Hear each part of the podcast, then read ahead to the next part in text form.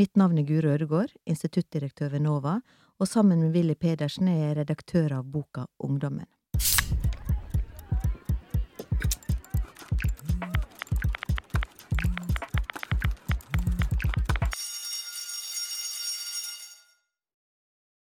Da PC-en kom, blei ungdommen sittende hjemme hos mor og far.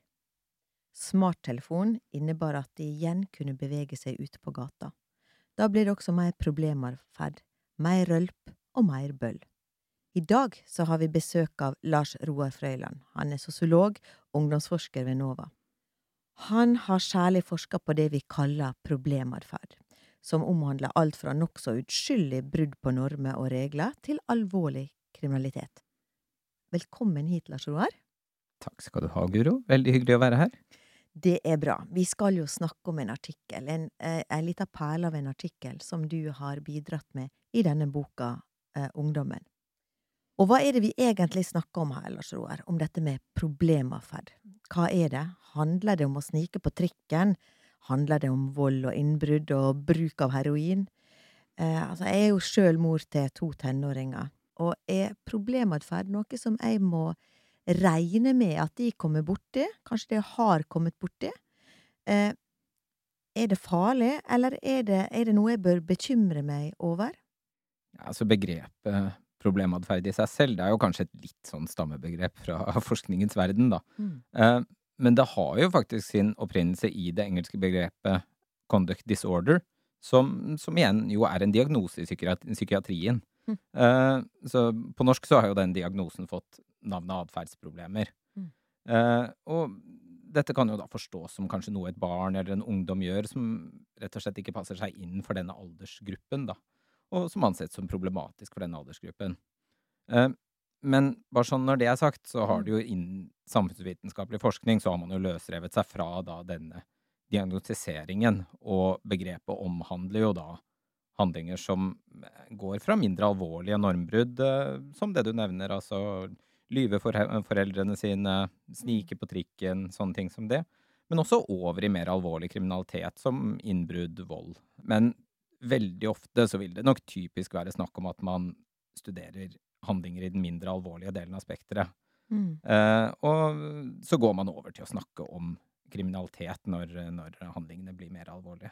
Ja, for jeg kan, jo, jeg kan jo egentlig huske tilbake til 90-tallet, og da var det veldig mye snakk om disse verstingene, ikke sant? Eh, og det var vel en gjeng eh, gutter hvor alt begynte å skjære seg veldig tidlig. Det var dop, det var vold, det var innbrudd. De var kanskje ikke så mange, men både tiltaksapparatet og politiet sto liksom litt sånn maktesløs. Og her er vi vel kanskje i denne ytterkanten av hva du definerer som problematferd i denne artikkelen her.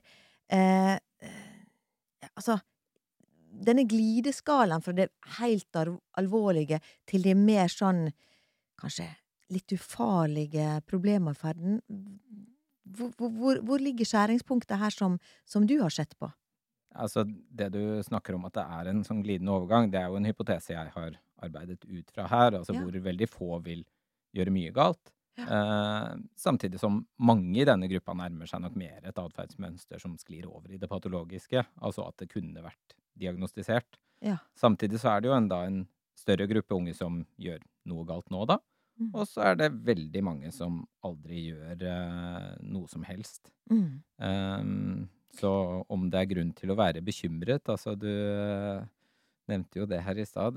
For, for, noen absolutt, men mm. uh, for de fleste antagelig ikke. Og så vil det være en del av den normale oppveksten, da. Vi skal komme litt mm. tilbake til dette her, fordi mm. at det, i din studie så har du nettopp brukt spørreskjema i, i skoleverket. Det betyr jo at det du har møtt elever på skolen, eller de har fylt ut dette spørreskjemaet på skolen. Og da mista jo en kanskje verstingene, som da antageligvis ikke gikk på skolen. Og dette har jo du sett på over tid, altså tidsseriestudier. Og dere har, til tross for at det, vi ikke får med de som ikke går på skolen, så har i alle fall du klart å identifisere fire grupper. Kan du kort beskrive disse fire gruppene? Det kan jeg gjøre. Men jeg har bare lyst, først lyst til å kommentere det første du sier her, om at vi ikke får tak i verstingene. Og det, det har du jo helt rett i. Altså ved å samle inn data på skolen, så, mister man jo de som gjør aller mest galt. Altså disse vil du jo finne igjen i mer sannsynlig kriminalstatistikk Mm. eller hos utekontakten eller ting som det. Og tall fra politiet viser jo det at det er en veldig liten gruppe som står for mye av kriminaliteten som gjøres, og i hvert fall den veldig alvorlige kriminaliteten. Eh, Så, så det jeg studerer i artiklene jeg har skrevet her, er jo typisk problematferd i den jevne ungdomsbefolkning. Eh, mens man må bruke andre datakilder og metoder for å studere da de absolutt verste. Eh, men så til hva det er vi egentlig studerer her. Altså det er jo uh, seks ulike handlinger vi har med i denne undersøkelsen, for dette er jo spørsmål som da har blitt stilt 20 år tilbake i tid og fram til Mm. i dag. Uh, vi spør om de unge har nasket i butikk, vi spør om de har tagget, begått hærverk, sneket på buss eller på kino, vært borte hjemmefra uten at foreldrene vet hvor de er, eller skulket skolen. Og som du jo hører her, så er jo dette her handlinger som sorterer i kanskje den eh, mindre alvorlige delen av et mulig spekter fra normbrudd til alvorlig kriminalitet. Eh, og det jeg har gjort deretter, er jo å definere disse fire gruppene du nevner, eh, basert på både hvor ofte man har gjort disse ulike handlingene, og spredningen av de ulike, ulike typene handlinger, da. Mm. Eh, og de gruppene er jo da de som ikke gjør noe galt, som du jo kanskje går fram av navnet, så gjør jo de ikke noe galt. Mm. Uh, og så er det de som gjør litt galt. Det er, der er det snakk om at de noen få ganger i året kanskje gjør noen av de tingene som inngår i målet. Uh, de erfarne der øker både hyppigheten og uh, spredningen i de ulike handlingene, mens vi har da de som vi har kalt gjengangerne, som, som sorterer da i Altså de både har en ganske høy hyppighet av de ulike handlingene, og gjør også de mest alvorlige handlingene. Så det Mm. betyr jo at selv om man eksempel eh, lyver for foreldrene sine og sniker på bussen ofte, så vil man fortsatt ikke defineres i denne mest alvorlige kategorien. Mm. Her, da går man i kategorien under. Mm.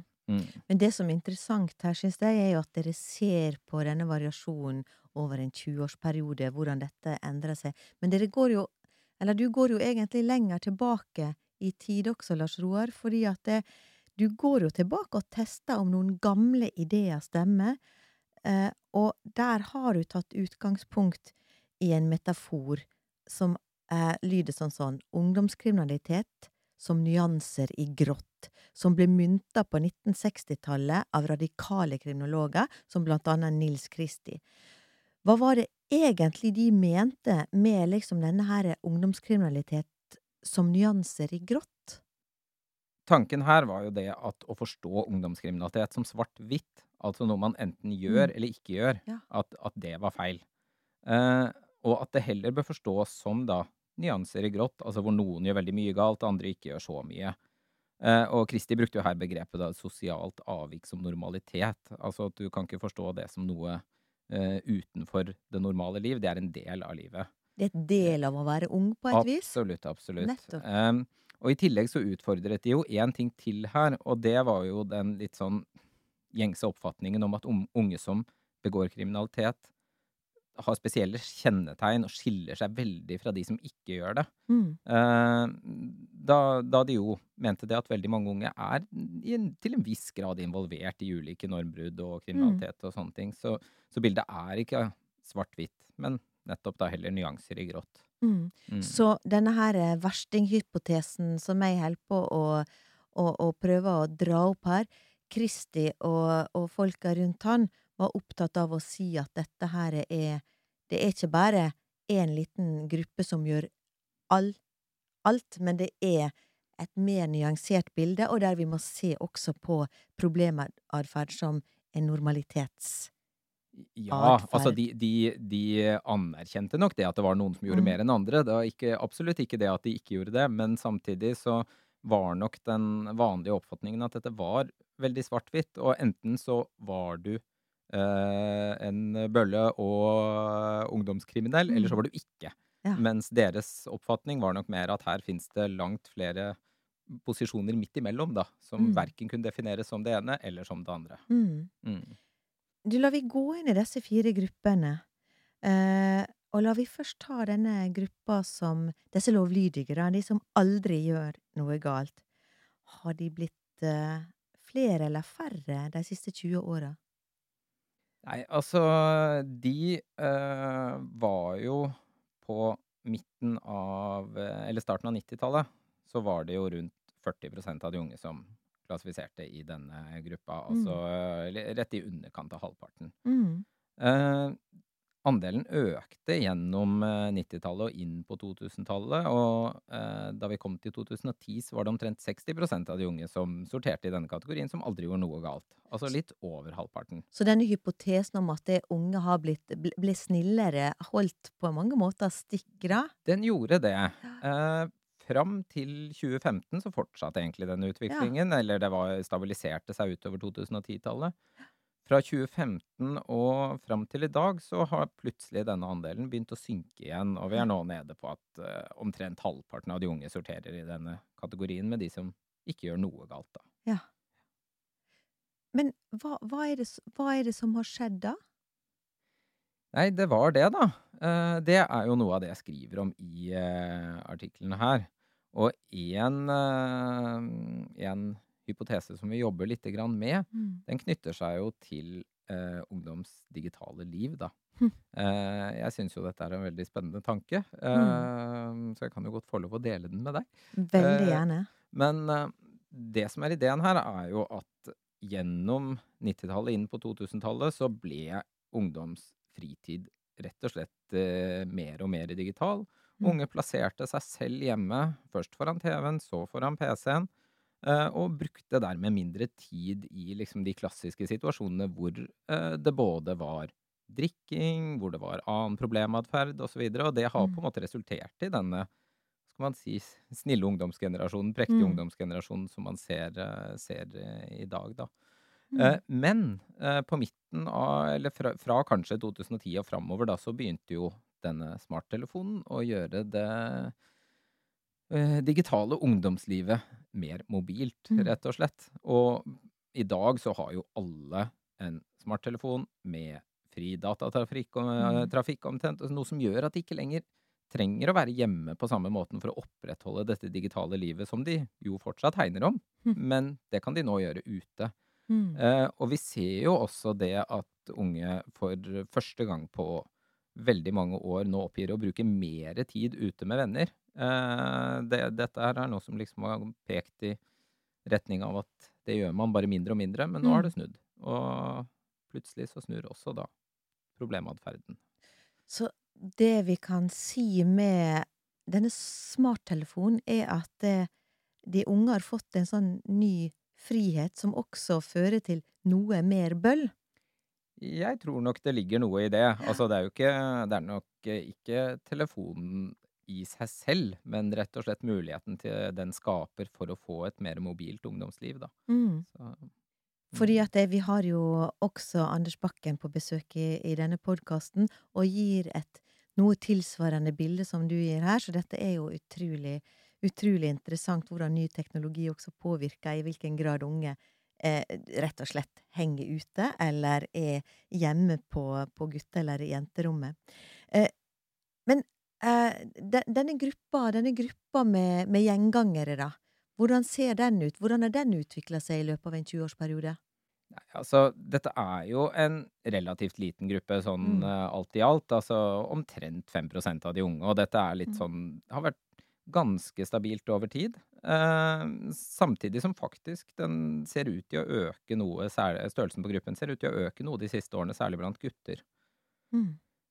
Eh, og Altså I motsetning til kanskje egentlig alle de tre andre gruppene, så er dette en gruppe som skiller seg litt eh, fra de andre. Uh, og altså nå har jo ikke i studien her undersøkt spesielt kjennetegn ved denne gruppen, men mm. sånn basert på tidligere forskning og mm. sånn, så vet vi jo det at uh, det er en gruppe hvor rusbruken er høyere. Mm.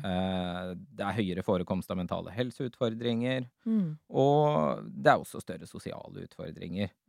Um, så altså, selv om disse kriminologene fra 60-tallet kanskje har rett i at, uh, at dette med normbrudd og kriminalitet er mer, uh, hva skal man si, nyansert enn det mm. den offisielle kriminalstatistikken viser, mm. så er det nok likevel uh, sånn at de som preges av den mest alvorlige problem problematferden, de skiller seg nok litt fra resten av ungdomsbefolkningen. Mm. Så, samtidig som det er glidende overganger. Ja. Ja. Og det er vel kanskje det som er det viktigste budskapet i, deres, eh, i din artikkel, da, Lars Roar, som jeg også mener er litt sånn myteknusende artikkel. Det er jo denne her eh, Du, du, du nyanserer en sånn polariseringshypotese med at det, dette er Altså, det er ei gruppe som eh, utfører mye eh, problematferd, men her er det eh, overganger som vi skal være oppmerksomme på også i ungdomsbefolkninga generelt. Vi skal absolutt det, altså. Ja. Mm. Du, jeg tenker eh, Jeg tenker nok at det er en del ungdomsforskning i dette feltet vårt, Lars Roar, som mener at det er bra at ungdom får prøve seg ut. At det er bra at de de sprenger noen grenser, og som vil applaudere at unge begynner å henge på gatehjørnet og snekkbarn og gjøre litt sånn eh, småbøll eh, som ikke er for alvorlig. Eh, det kan gi viktige erfaringer i grupper av jevnaldrende. Så eh, la oss anta at jeg da har en sønn eller datter som aldri gjør noe galt. Som er pliktoppfyllende og snill og flink, og som ikke deltar i dette her. Bør jeg være bekymra for det? Nei, altså Nå er det jo sånn at uh, i fjor, uh, relativt fersk forskning fra en spørreundersøkelse vi har her på NOVA, Unge Norge longitudinell, den viser jo at dette ikke er uh, tilfellet. Altså her har man fulgt unge eh, helt fra de gikk på ungdomsskolen og fram til de er i midten av 30-årene, hvor man så har sett på sammenhengen mellom dette med problematferd i ungdomstiden, og hvordan det går med de unge når de har blitt Mm. voksne. Eh, og det man finner her, det er jo at den gruppen det går aller best med, det er de som ikke deltar i noen former med problematferd. Yes. Men det er et men inni her også. Ja. Eh, det er nok litt sannhet i denne tanken om at det skjer viktig eh, læring i jevnaldermiljø, fordi eh, man ser nemlig det at utfallet er ulikt i to grupper som ikke deltar i problematferd. Og det er de som lever litt sånn sosialt avskåret fra Mm. ungdomsbefolkningen, Ja. og de som har et mm, mer vanlig sosialt ungdomsliv, da. Hæ. Og de som lever litt sånn sosialt avskåret, men ikke deltar i problematferd, Ja. de gjør det faktisk litt dårligere enn de som har et sosialt liv og ikke deltar i problematferd. Ja. Så, så, så noe, noe sannhet er det nok i dette her, selv om eh, det er ikke tvil om at det går aller, aller best med de som ikke gjør noe galt. Men det er viktig å ha venner og nettverk rundt seg. Det er det. Det er nok et komplekst uh, bilde her, og det er flere ting som spiller inn. Uh, mm. Og denne kompleksiteten har du bidratt med her til å gjøre litt enklere å forstå. Tusen takk for at du bidrar her, Lars Roar. Takk skal du ha, Guro.